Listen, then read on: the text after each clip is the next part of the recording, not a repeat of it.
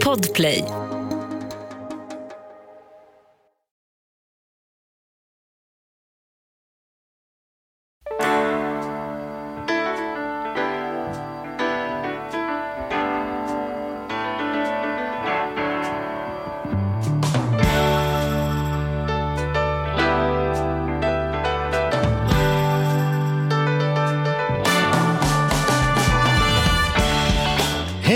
Välkomna till Ekonomi på riktigt med Charlie och Mattias. En podd som vi gör ja, varje vecka får man säga.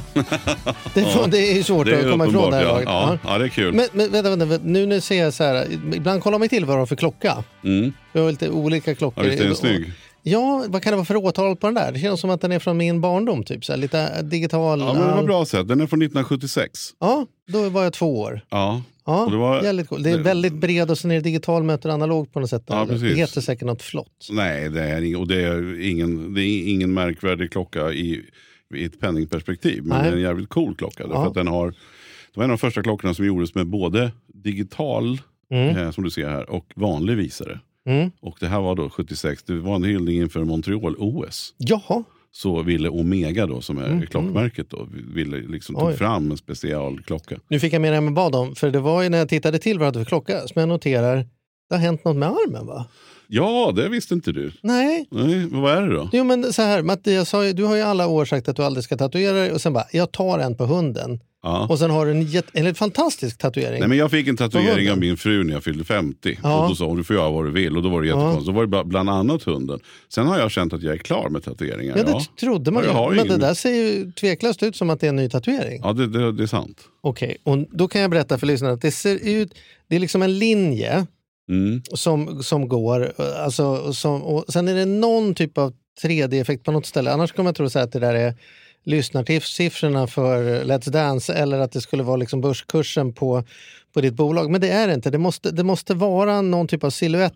Men du ser inte vad det är alltså? Jag ser, jag ser inte vad det Nej, att- är det uppe i, Jag blir lurad där uppe i hörnet tycker jag ser ut som en mur, liksom att det är ett torn eller något där. Ja, men det är det inte. Det är det inte. Vad fan, det här får vi lägga ut en bild Ja, ja, får lägga ut en bild. på, på, på Facebook sen så att ni får... Jag kan också bara dra Se. varför, varför jag Ja. har den här. Då. Så var det Ja. faktiskt, jag, jag varit jätteglad därför att min dotter kom och eh, jag måste säga, min dotter gjorde en rolig grej. Hon ville ha en kompistatuering och då började det med att hon ville ha en kompistatuering med, med sin mor. Därför det de har gemensamt är att de har väldigt svårt att skilja på höger och vänster. Så, att, så det Malin och Elin då gjorde, Mm. det var att de på vänster hand satte ett litet V och på höger hand ett litet H. Mm. Och sen så gjorde de det båda två. Jag, det tyckte jag var jävligt roligt. Ja, den fanns för några, när vi, vi körde sommaravsnittet. Ja, såg det. jag det på Malin. Och då, Det är då, roligt. Mm. Precis. Sen har Elin velat säga, kan inte du och jag också ha en kompistatuering? Jag säger, men jag är klar med tatueringar. Ja men snälla. Så. Och då sa jag, då får du hitta någonting som, som vi båda tycker om och vi båda gillar. Vad fan är det där? Är det, Om är jag det säger jag, att det är ett fordon. ett fordon? Det saknas bara hjul här. Jaha, är det en Formel 1-bil? Ja. Och då ska man veta vad det är för bil också? Nej. Nej. Ja, En modern det, Formel 1-bil. Ja, det hade jag. Det, eh, ja, kan, ja, ja, det var ju liksom något med fönstret som man tänkte, och så är det vingen i bak. Ja, jag fattar. Men är jag den första som inte har sett vad det är med självklarhet? Eller? Nej, jag har, den är så ny så det är typ ingen som har sett Det är den. okej. Det, här, det vi lanserar vi Den, något den, och jag har, jag hade ju inte tänkt, det var inte mer, det är du som såg något bara. Ja, ja. Nej, men, och, och det är så här, jag vad älskar roligt. F1, har alltid Ja. betytt, jag, jag, följer allt på SVT, eller med F1. Ja. Och sen är det så kul att när min dotter var i USA så, så hade hon en kompis, som, för hon har inte varit så intresserad innan. Nej, hon har varit Eh, en min ganska, hon har varit en det vettig och balanserad människa. Ja, hon har exakt. inte alls varit Men sen rätt vad det var så, så började hon titta också på F1. Och eh, hon tittar på den här Drive to Survive, en serie på Netflix. Ja, det måste ju man gjort går igång. gott för F1. Ja, Den serien. Det, Det var en bra det. investering. Oj. Mm. oj, vad de har tjänat på det. Så nu är F1 hetare än någonsin och Elin tycker det är skitkul. Mhm. Så då sa hon, kan vi inte göra en F1? Så hon har exakt likadan. Och det är ju mest det som värmer Ja, en pappa hjärta. Precis. Sen har hon en lite mindre, på liksom inte på exakt samma ställe på armen, men, men Mm. fortfarande en likadan. Och det är ju lite härligt. Och då sa hon så här, hade hon fixat, donat, överraskat, så hon hade fixat en tid på min födelsedag. Ja. Och sagt att vet du vad, imorgon klockan tio då ska vi ses där för då ska vi gå och göra en kompistatuering. Åh. Fan det går inte att säga nej till det. Nej. Så jag vart alldeles varm i hjärtat och lite tårögd. Och så gick vi Ja, där har du ju svaret. Det är ju så, om jag någonsin kommer tatuera mig, Ja. då är det ju så det kommer gå till. Att Primus säger, pappa ska vi ha en... Men vi är också kompisar, om inte du och jag ska vara kompisar. Ja. Vi kan, Ja. vi kan ta gamla Lyxfällans Nej. logga. Nej, inte va? Ja, Nej. ja, ja, ja. Fan, du vart ju så här nästan röd, du Nej, nästan blossa upp ja, i det det känns ju som att- förskräckelse. Om du hade föreslagit en kompistatuering, det är ju ett kraftfullt kärleksförklaring från din sida. Ja. Du och jag borde ha en kompistatuering. Och att då säga nej. det det varit skulle ju svårt. kännas som att det skulle sitta hårt inne. Men om du hade föreslagit seriöst så är svaret så här. Nej, nej, Nej. Det, det, det, det är liksom... Där är du inte riktigt. Nej, men det blev, då ska det vara en fruktansvärt bra idé på något Ja. sätt. Men, men då kan jag gå igång på idén. Men ärligt talat, är det är nog Primus den enda som skulle kunna få mig till en kompis. Har ni kompistatueringar kan ni ju skicka in bilder på det. Till Ja, jättegärna. Ja. jättegärna. Och jag ska lägga ut den här bilden också. Ja, ja, Ja. då får ni se. um, Ja, när man väl tittar på bilden lär man ju ha hört vad vi har berättat. Så Ja. det blir inte mycket att gissa.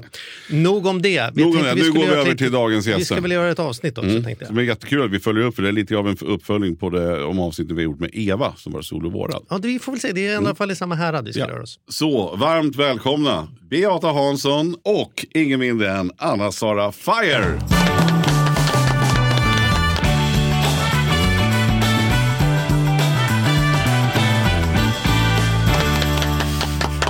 Tackar. måste jag säga. Fire, det är ju, vad häftigt. Hur kommer det sig att man heter Fire? Ja, men man är gift med en amerikan som heter Fire. Ja, det var ju en av anledningarna till...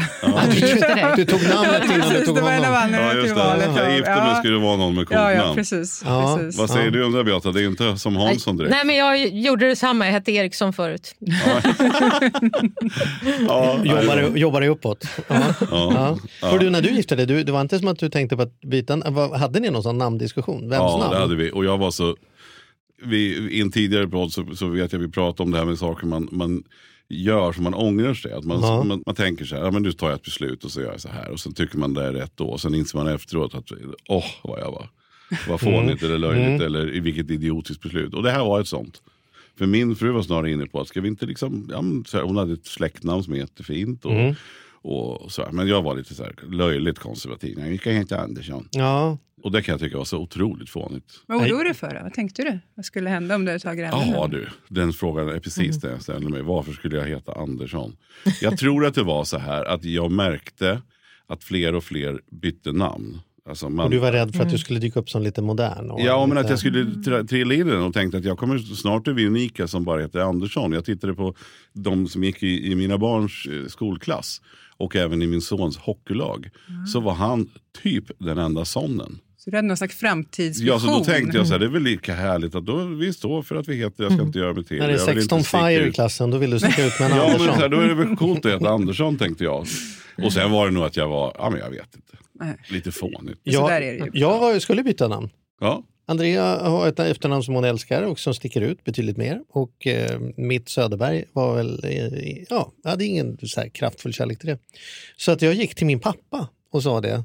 Du, nu när vi gifter oss, eh, jag och Andrea, hur skulle du känna? Skulle du, nej, jag sa bara så här, du vet, för bara, skulle du ta illa upp om vi tog hennes namn? Och min pappa, du har ju träffat min pappa. Mm. Han är ju inte den, de stora ordens liksom, bråkmakare. verkligen direkt inte. inte. Han tittade upp på mig och sa så här, ja det skulle jag nog. Mhm. Och det, det var tillräckligt för att jag sa så här, äh, det går inte. Min pappa som aldrig har sagt någonting. Och, och sen för två år sedan så dök den här frågan upp igen. Så här, ja, varför vart det Söderberg? Och då sa han, och så här, ja men du sa ju att, jag skulle, att du hade tagit illa upp om jag hade bytt. Och då tittade han på mig samma ögon igen och bara, sa jag? Vad konstigt. men vad fan. Du måste ha missförstått mig. Ja, jag vet inte. Så, men nu är det vatten under broarna. Det, så i alla fall. Skitsamma. nu ska vi gå vidare. Det är, inte, na- det är inte namnpodden detta. Ni Nej. är ju inte här för att vi tävlar i bästa efternamnen utan för att ni har ju skrivit en bok som vi direkt kände så här, det här måste vi få prata mer om. Berätta. Ja, men vi har ju skrivit boken Drömmen om Tom Walter. Och den handlar om romansbedragna kvinnor.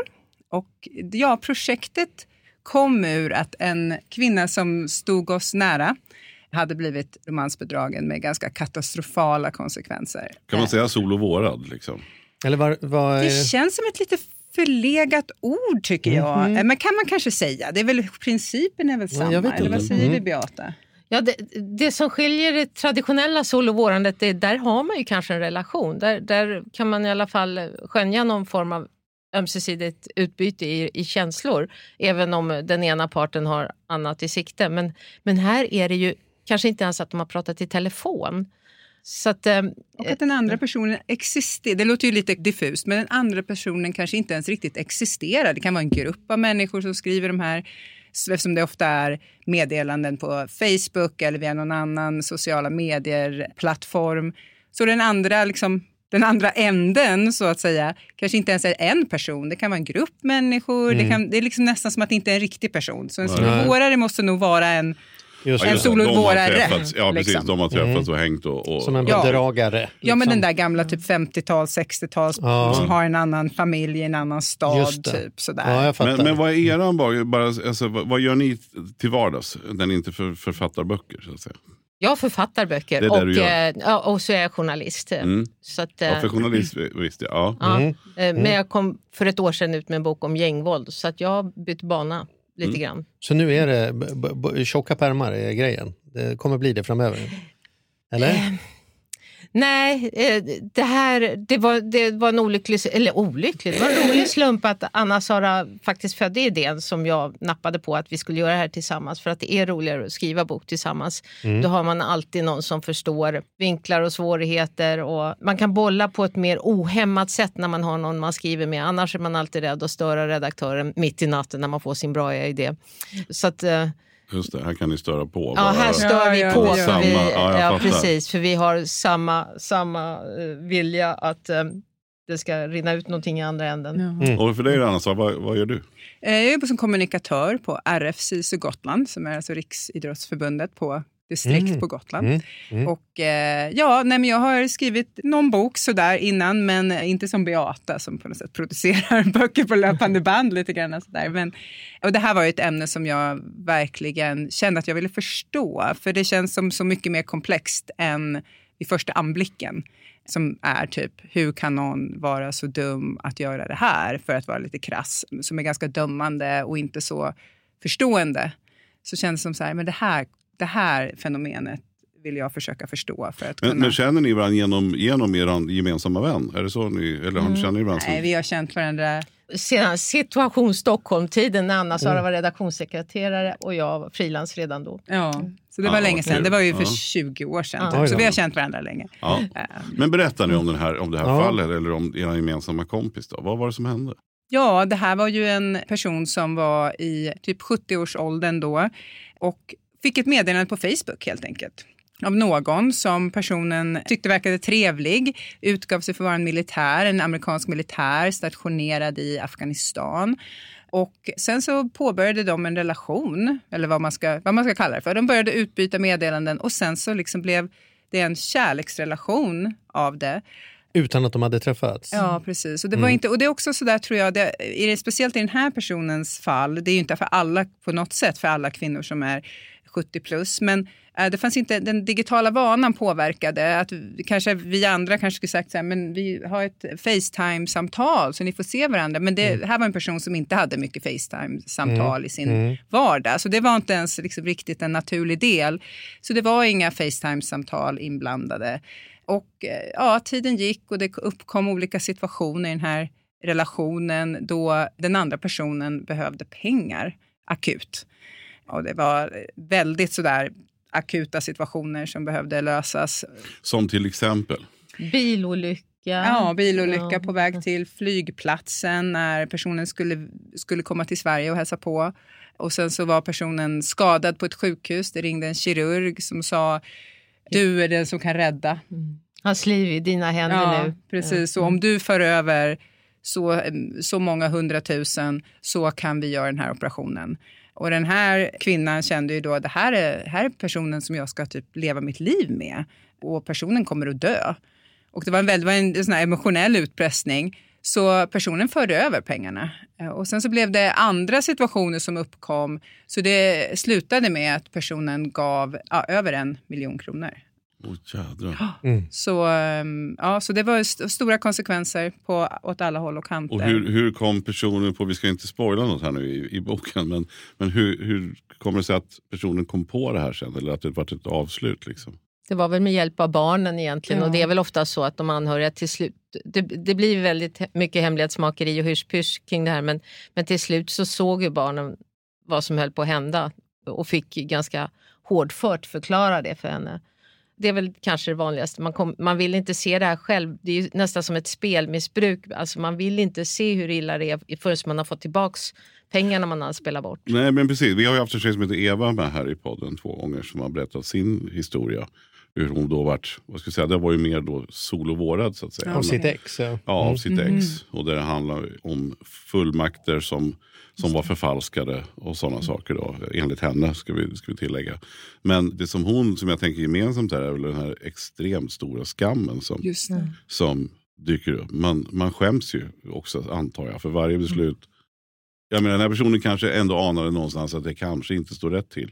Ja, och Eller? jag, jag, tror att det blir en sån här situation, precis som Beata nämnde om det här med spelmissbruk, när man börjar ana, kanske, nu drar jag en parallell som jag kanske inte vet någonting om, men att om man tänker sig en spelmissbrukare så börjar känna så här, ja men jag kanske faktiskt inte kommer att, nu har jag spelat bort hyran här, det finns en stor risk att jag inte, om jag spelar de här sista liksom, hundralapparna, det finns en stor risk att jag förlorar dem också. Men det är nästan värt det att försöka, för man kanske vinner tillbaka. Och det är lite samma princip sådär, att man liksom, det- är så svårt att sluta för att om man ger upp, då är ju, då är ju pengarna borta. Då är det 100% borta. Håller man fast vid relationen så finns ju i alla fall potentialen att det här är en riktig relation. För de säger ju alltid jag ska betala tillbaka. Titta på mitt kontoutdrag och mycket såna här falska kontoutdrag. Så ser du hur många miljoner jag har. Så att jag kan betala tillbaka. Jag är i militären så vi har inte tillgång till våra, till våra pengar just nu. Och det är mycket avancerade eh, svar på varför de Ja, inte... de där är ju väldigt ofta extremt uträknade. Ja. Alltså, det är ju begåvade människor fast åt fel håll. Så att Mm. säga. Hur kom den här historien till er? För det här kanske inte är något, det är inget man lägger ut på Facebook och säger så här, gud vad dumt, nu har jag gjort det här. Utan hur hamnade historien i era händer och hur bestämde ni för att, vet du vad, det här är en bok faktiskt? Liksom? Ja. Ja, men vi fick höra den i liksom syfte att vara behjälpliga helt enkelt. Och, eh, och personen är anonym i boken. Mm. Det är en viktig del.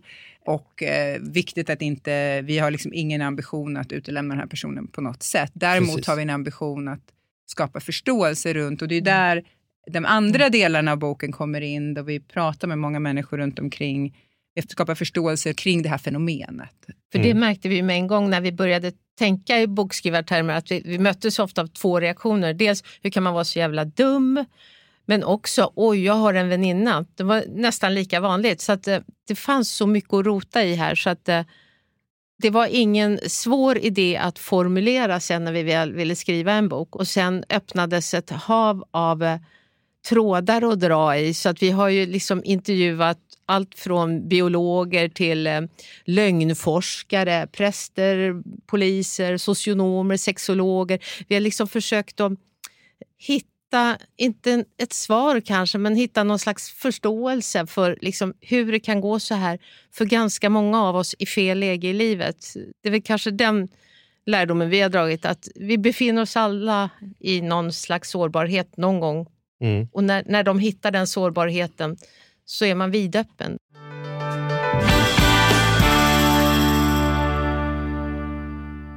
Den här podden gör vi även den här veckan i samarbete med Saveland. Fan Mm. vad kul det är att ha dem med ombord. Mm. Jätte, jätteroligt. Ja, vi brukar ju prata om att man har något band som man såg jag stod Bo Kaspers jädrigt tidigt liksom, innan man gjort tv-debut. Och du har något hårdrocksband som du var jävligt tidig på. Ja, alltså jag var på, på Lilla Teatern Göta Lejon och såg Metallica Ja. 1984. Så gammal är jag. Och jag var i kontakt med Saveland när det fortfarande var typ tre, fyra personer där från Mm. början. När jag fick möjlighet att träffa dem. Eh, och nu är de ett stort bolag, fyller tio år, finns på börsen och jobbar helt enkelt med att vanliga privatpersoner och företag kan investera pengar eh, i eh, lån och krediter. Mm. Så man får riktigt bra ränta. Så eh, det rullar på efter tio år, bättre än någonsin. Fantastiskt kul att ha dem med här i podden. Mm. Gå in, testa, kolla. Vi har en kod som gör att om du öppnar ett konto och använder på riktigt får du dessutom en insättningsbonus just nu. Precis, och vill man veta mer så som sagt gå in på saveland.se. Man kan också lyssna på Ludvig som har varit gäst i vår podd två gånger. Får Ja. man en ännu bättre inblick i Ja. vad, vad det är de pysslar med egentligen. Men eh, ja, saveland.se och stort tack. Poddtips från Podplay. I podden Något Kaiko garanterar östgötarna Brutti och jag, Davva, dig en stor dos skratt. Där följer jag pladask för köttätandet igen. Man är lite som en jävla vampyr. Man har fått lite blodsmak och då måste man ha mer.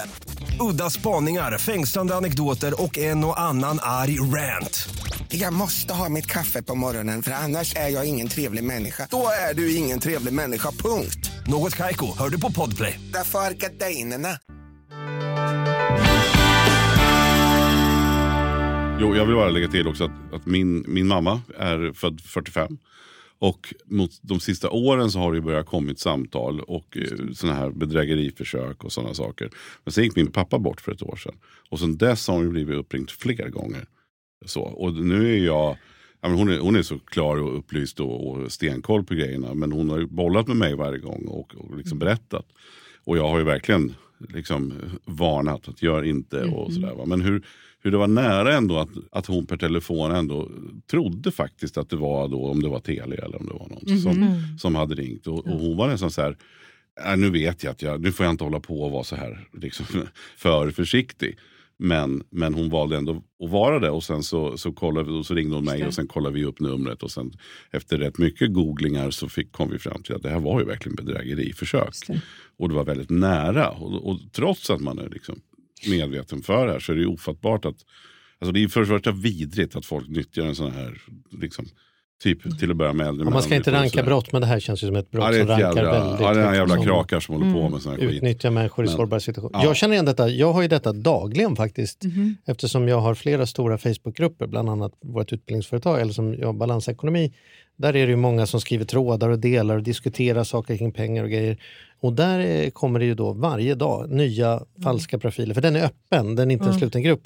Där framförallt vänder sig mot äldre kvinnor som skriver så här, du skriver så bra saker och jag tittar på dina bilder, de exakt. smilar vackra. Jag skickar en vänförfrågan, hoppas du inte tar illa upp. Exakt Liksom så. Väldigt, väldigt eh, försiktigt, inte som några liksom raka, raka grejer utan bara ops, ops, om du vill bli kompis så har jag skickat det och de där får jag ju sitta, eller som vi, jag eller någon annan får sitta och ta bort dagligen och spärra och anmäla, ta bort, spärra och anmäla. Och ärligt talat, någon kan ju på riktigt vara en Åke som sitter där och tycker att det var fina bilder och bra sagt. Men vi tar ju bort allting sånt för att det, förstås då. Men bara att förstå att det här är ju, är ju så pass systematiserat så att det kommer, det kommer dagligen, dagligen. Nya profiler, nya namn med nästan samma formuleringar som handlar om att de tycker att det var så fint sagt eller och du hade så fina bilder. Kan inte vi åtminstone bli kompisar? Är det här något som ni har stött på i era, era research? Är det det vi säger vanligt? Vi har ju en kvinna som faktiskt eh, blev utsatt tre gånger och de två, två första gångerna hjälpte hennes söner henne att eh, genomskåda innan någonting hände. Men den tredje gången hann inte sönerna med så då blev hon av med 400 000. Så, att hon, så hon var ändå medveten om faran. Alltså frisk egentligen, om vi nu ska Ja. hårdra det. Men hon vägrade sluta tro. För det, det är också en, en, en viktig bit i boken som många påminner oss om att vi får inte sluta känna tillit. Liksom. Vi får inte ta död på tilliten för det är det vi människor behöver för att överleva. Jag tänkte precis Mm. säga det. Den dagen vi slutar lita på folk är ju också fruktansvärt. Dit vill man ju inte. Nej. Och det är nog så fint tycker jag ändå att det här är det här är också ett sätt för kanske, ja, nu pratar vi, nu, nu är den här boken handlar ju mest om äldre människor. Nu finns det ju självklart människor som blir bedragna, romansbedragna i alla möjliga åldrar och kön och det här handlar mest om äldre kvinnor. Men det är ju superfint att det finns sätt att få kontakt med andra människor och kanske få bukt med en ensamhet eller det är ju jätte, jättefint så den måste ju få finnas kvar. Men det ju handlar ju om att ha kunskap och känna igen de där, precis som du berättar. Att det här med att ja, just det här är nog inte riktigt riktigt. Liksom.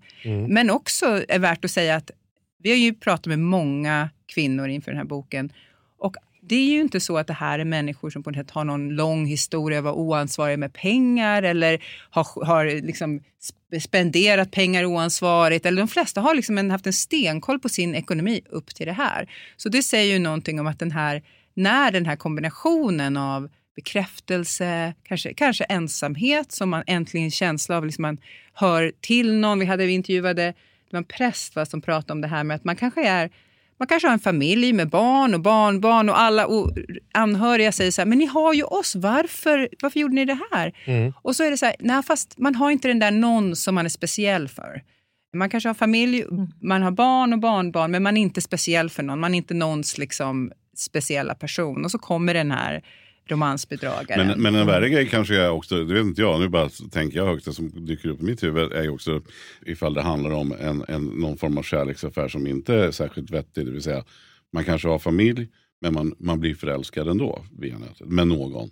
Ja, Eh, så blir det ju ännu mycket svårare. Alltså en Just det. slags otrohetsaffär fast man inte har träffats. Just det. Kan jag också tänka. Att man får beröm, man får, man får glada Precis. tillrop, Ja. att man är söt och snygg och det man skriver är bra eller fina tavlor eller vad det nu kan Sådana vara. har vi också. Ja, precis. För, för då blir det ju ännu mer skam och då har man ju liksom ingen att vända Nej. sig till heller.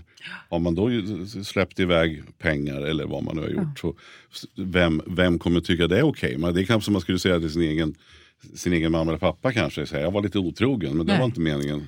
Alltså, Jag har, ju, jag, alltså jag har verkligen inte blivit lurad på det sättet alls, men jag har ändå varit, jag har haft någon affärsbekant eller klient eller något som har hört av sig och varit så här, du vet nu sitter jag jättedåligt till, är det okej om jag antingen så här väntar och betalar en månad eller kan jag låna 6 000 av dig till på måndag för att, så att jag åtminstone, liksom, jag behöver annars bli av med kontant. Alltså så här, och där jag har hjälpt till ibland och inte hjälpt till ibland, men poängen är, det finns sådana där jag tänkt så här, jag säger ingenting till Andrea. För att hon, Nej, hon kommer nej. tycka, men vad fan, håll, alltså, du vet, han, alltså, så, här, så, att, så trots att vi har en helt öppen relation och trots att jag liksom står för mina beslut så finns det ett ögonblick när man ger av sina pengar där man tänker här, nu kommer alla tycka att jag är knäpp. Liksom. Min mamma kommer säga, men Mattias, vad fan, han får sköta sin egen... Ja, nej, men då berättar jag inget för henne. Och då, men då har jag gått emot det alltid och alltid berättat, vet du vad, jag har fått det här, jag tänker faktiskt göra detta. Och så brukar man ju Ja, men Men så måste det bli med Ja, men brukar man ju miss- identifiera missbruk när man bör- börjar dölja saker. Ja. Nu säger jag inte att du är missbrukare. Men jag Nej, nej, tänker men det dyker ändå upp som en ja, tanke, men om jag precis. inte Att när man. Mm. börjar dölja, när man vet att någonting på något sätt, att man ska dölja någonting men man gör det ändå. Mm. Att man inte säger så här, men du det här gör jag och det här står jag för. Utan, och det brukar ju vara en identifikation av just att någon, att, av missbruk. Mm. Liksom. Och det här är ju en slags missbruk. Men just det där, man, man känner att något är inte riktigt riktigt så det är därför man inte kan stå upp för det. Liksom. Nej, Och då är det blir lätt egentligen- svårt att komma till barnen sen och säga ja, jag vet ju att den borde gjort det, men nu har jag gjort detta och nu har jag gjort det tre gånger, nu behöver jag er hjälp. Det är en väldigt Sen stolthet. man ofta har åt det. ljugit väldigt mycket på vägen. Ja. Är ju också en, Men det är, ju också, det är ju också en del av deras taktik. De, de ser ju till att suga tag i sin eh, kvinna ganska snabbt och se till att de blir den enda hon kommunicerar med. De kommunicerar nästan 24 timmar om dygnet till och från för att hon inte ens ska ha behov att kommunicera med någon annan. Och, och han, det är ju också som ett misshandelsförhållande eller något att ingen kommer förstå det vi har, det är du och jag mot världen. Att, eh, det är ju precis de klassiska knepen som går hem. Och de bygger ofta på tidsskillnad, till exempel att folk är väldigt trötta. Det berättar ju många. För att man, det är ju en tidsskillnad då såklart. Och eh, man kommunicerar mycket på natten, man kommunicerar liksom dygnet runt. Och nu vet vi att det är ofta inte en person utan det är ju en grupp människor. Så då kanske man kommunicerar med en på natten, en på dagen. Men att det liksom är en, att man verkligen man bryter ner någon. Det är, ju, det är ju verkligen det är ju forskat på att, att man tar fel, alltså, vid olika tillfällen när man är trött Ja, så tar man mm. fel beslut. Men det är precis det vill vi höra nu, för att ni har ju verkligen gjort er research som du säger, pratat med allt från liksom hjärnforskare till, till vad 17 är. Och ni sa det lite i förfarten i början, hur kan man vara så korkad? Vad har ni kommit fram till då? Hur kan man vara så korkad med risk, ni som sätter rätt om in citationstecken? Liksom. Vad, vad, Det är väl det att ni vi behöver er? varann. Alla människor behöver en tillhörighet, en bekräftelse. Och får vi den inte så söker vi den. Det påminner mig om min bok om gängvåld förresten. Mm. Att Ja, vi söker, det finns ju verkligen likheter. ja, ja, och just det här att vi måste, vi måste få veta att vi duger någonting till. Och, och det är väl därför också varenda människa skulle kunna drabbas av det om man inte är uppbackad på rätt sätt.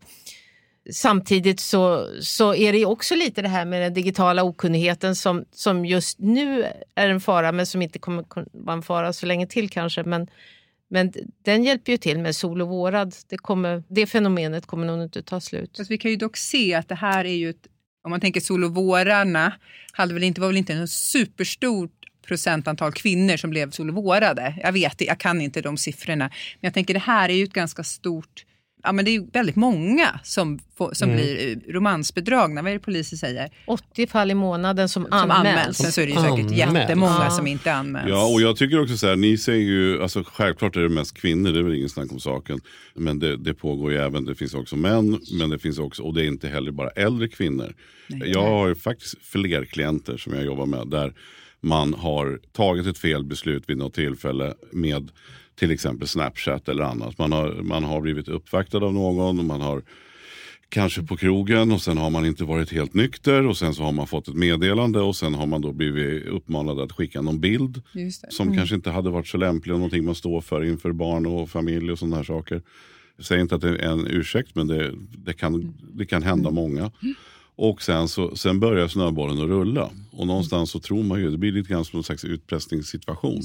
Men, men där personen då, har jag upplevt fler, vid flera tillfällen att det har varit då kvinnor som har spelat på liksom, och nyttjat och sagt att jag, jag vill vara med det, jag vill ha en förhållande och jag vill liksom. Och sen, sen har det spunnit iväg.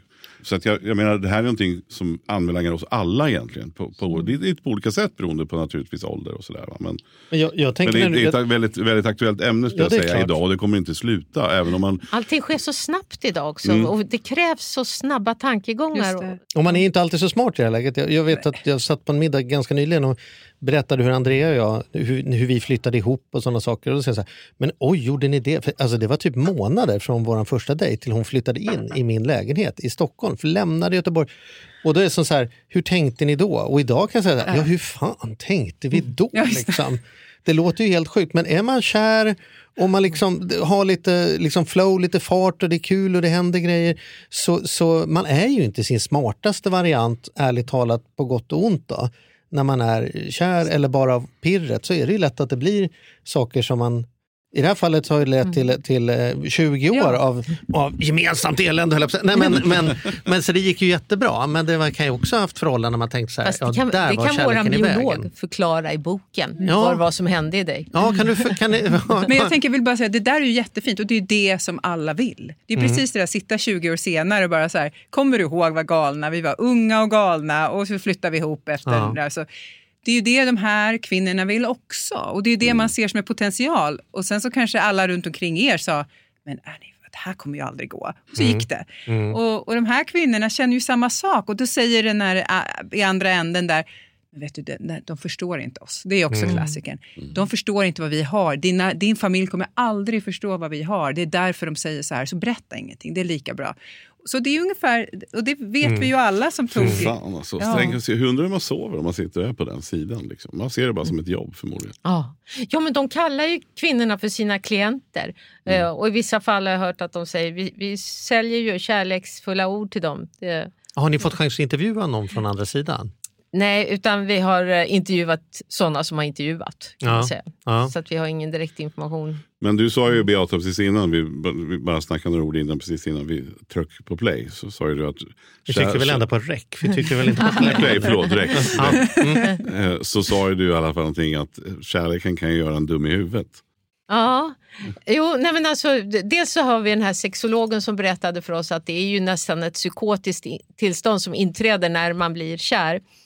Och, eh, och så biologen som vi också pratar med eh, berättar lite mer ingående vad som händer i hjärnan när man stänger av vissa funktioner helt enkelt för att man vill vara kär. Det är ju en drog, man vill vara kär. Mm. Och det finns ju inget härligare än att vara nykär. Nej. Mm. Eller hur? Nej. Det är sant. Men jag tänker så här, vi har säkert en jättemånga lyssnare som kommer att råka ut för detta i närtid och som kommer att ha väldigt mycket nytta av att läsa den här boken och eh, liksom, ställa in sig på att detta är vardagen. Jag tror att liksom alla får räkna med att om inte alla redan har fått såna här saker och inte förstått det för att man inte gått vidare så kommer alla göra det. Men sen tänker jag att vi har nog ganska många av våra lyssnare som har föräldrar, precis som Mattias har, som har en mamma som nu är ensam. Så det, finns det något råd eller några tankar? Ska man, pratade vi om gängkriminalitet kanske, säga så här, man hade tagit barnen och sen hade man tagit ett samtal i köksbordet. Är det läge att ta föräldrarna och ta ett samtal i köksbordet och säga det här kommer ni att Eller utsättas kompisarna för? vill jag slå ett slag Ja, men liksom, förstår ni vad jag menar? Vad är, vad är Ja, liksom, hur svåra- löser vi detta? Ja, men det svåra är ju, barnen är ju, om de är några barn under 18, då har man ju liksom ett annat ansvar. En vuxen person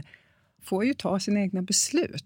Hon Allt- kan gå till banken och ge bort sina pengar. Ja, Eh, och, och man kan ju, och vi pra, intervjuar ju, pratar ju med anhöriga som liksom pratar med banken efteråt och var liksom så här, hur kunde du, hur kunde ni låta min 80 eller vad det nu var, mm. Ja, 75 plus-åriga mamma föra över pengar till ett annat land, en sån här stor summa.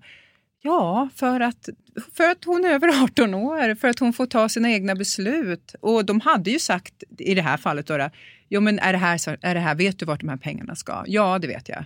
Liksom, alltså, och, Ja. och sen så, så det är ju så, det är begränsat vad man kan göra, förutom att kanske be om bild, göra sån här reverse image search, där man hjälper till med bildsökning. Man säger den här bilden som du får, för de är ju, alla är ju alltid stulna, liksom. Ja, tillhör ju någon slags databas av amerikanska militär eller någonting sånt. ja. Och då kan man visa att den här, det här är inte alls den här personen som utger sig för att heta, ja, vad det nu kan vara. Tom Det, Walters det är ett enkelt trick att du kan ta de bilderna du får, för bilder får man om man ber om Ja. det.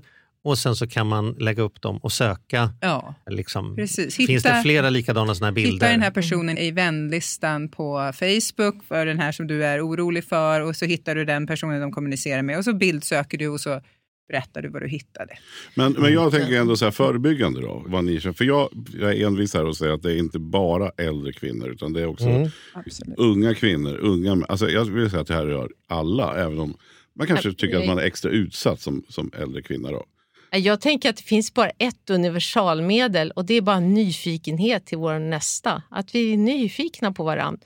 Jag kan inte komma på något bättre sätt än att vi liksom eh, intresserar oss för varandra och våra äldre och de som vi har omkring oss. Men jag tänker också att det är lite ungefär som om, eh, nu kommer jag tillbaka med missbruk, för på sätt och vis så är det ju det. Men om någon, om man känner sig orolig för någons drickande, någons spelande, någons ätande, vad det nu än är, så är ju ofta, eh, då är ju ofta det att man frågar, men du, hur mår du egentligen? Det känns som något, jag känns inte helt hundra, det känns som något på gång här.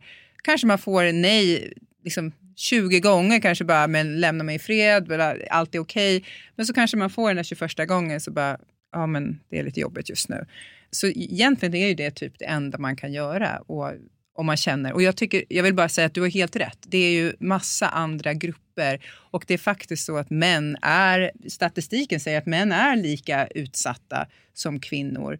Vi har bara identifierat att äldre kvinnor är utsatta på ett annat sätt och att det är andra mekanismer som gör att det blir komplicerat. Eller Ja. det är inte mer komplicerat, bara, bara komplicerat på ett annat sätt. Och det, och det är den historien ni har berättat? Ja, precis. Det är den historien vi har berättat. Sen så Ja. finns det jättemånga män som har det jättejobbigt på, av samma anledning, men det kanske fungerar lite annorlunda.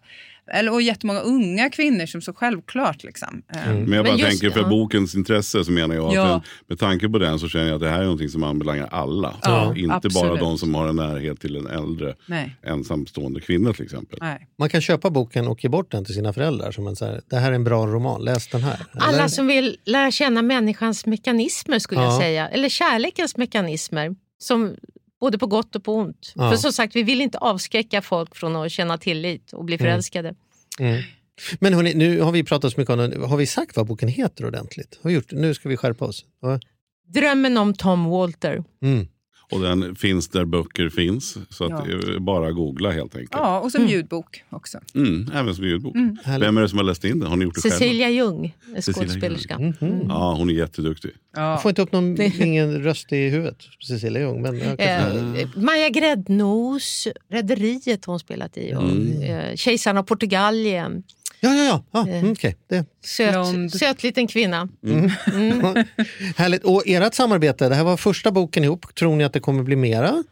Ja, hitta, hittar vi något lika roligt ämne så kör vi. Ja. Men kan det bli någon roman då? Till Nej, Nej, Eller- roman, nej, vi har inte någon roman i... det är inget som Där var du väldigt snabb Beata. Jag är nämligen ordförande i Författarförbundets sakprososektion så att det skulle aldrig falla mig in och byta sektion. Då får du skriva i pseudonym.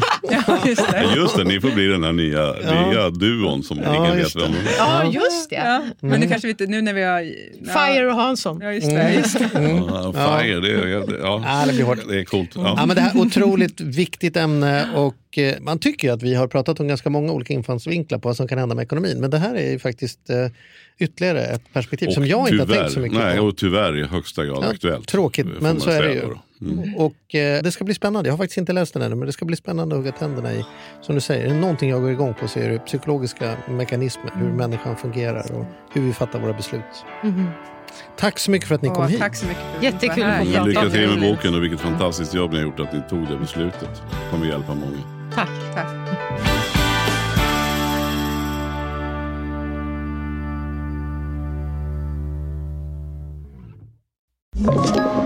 Podplay.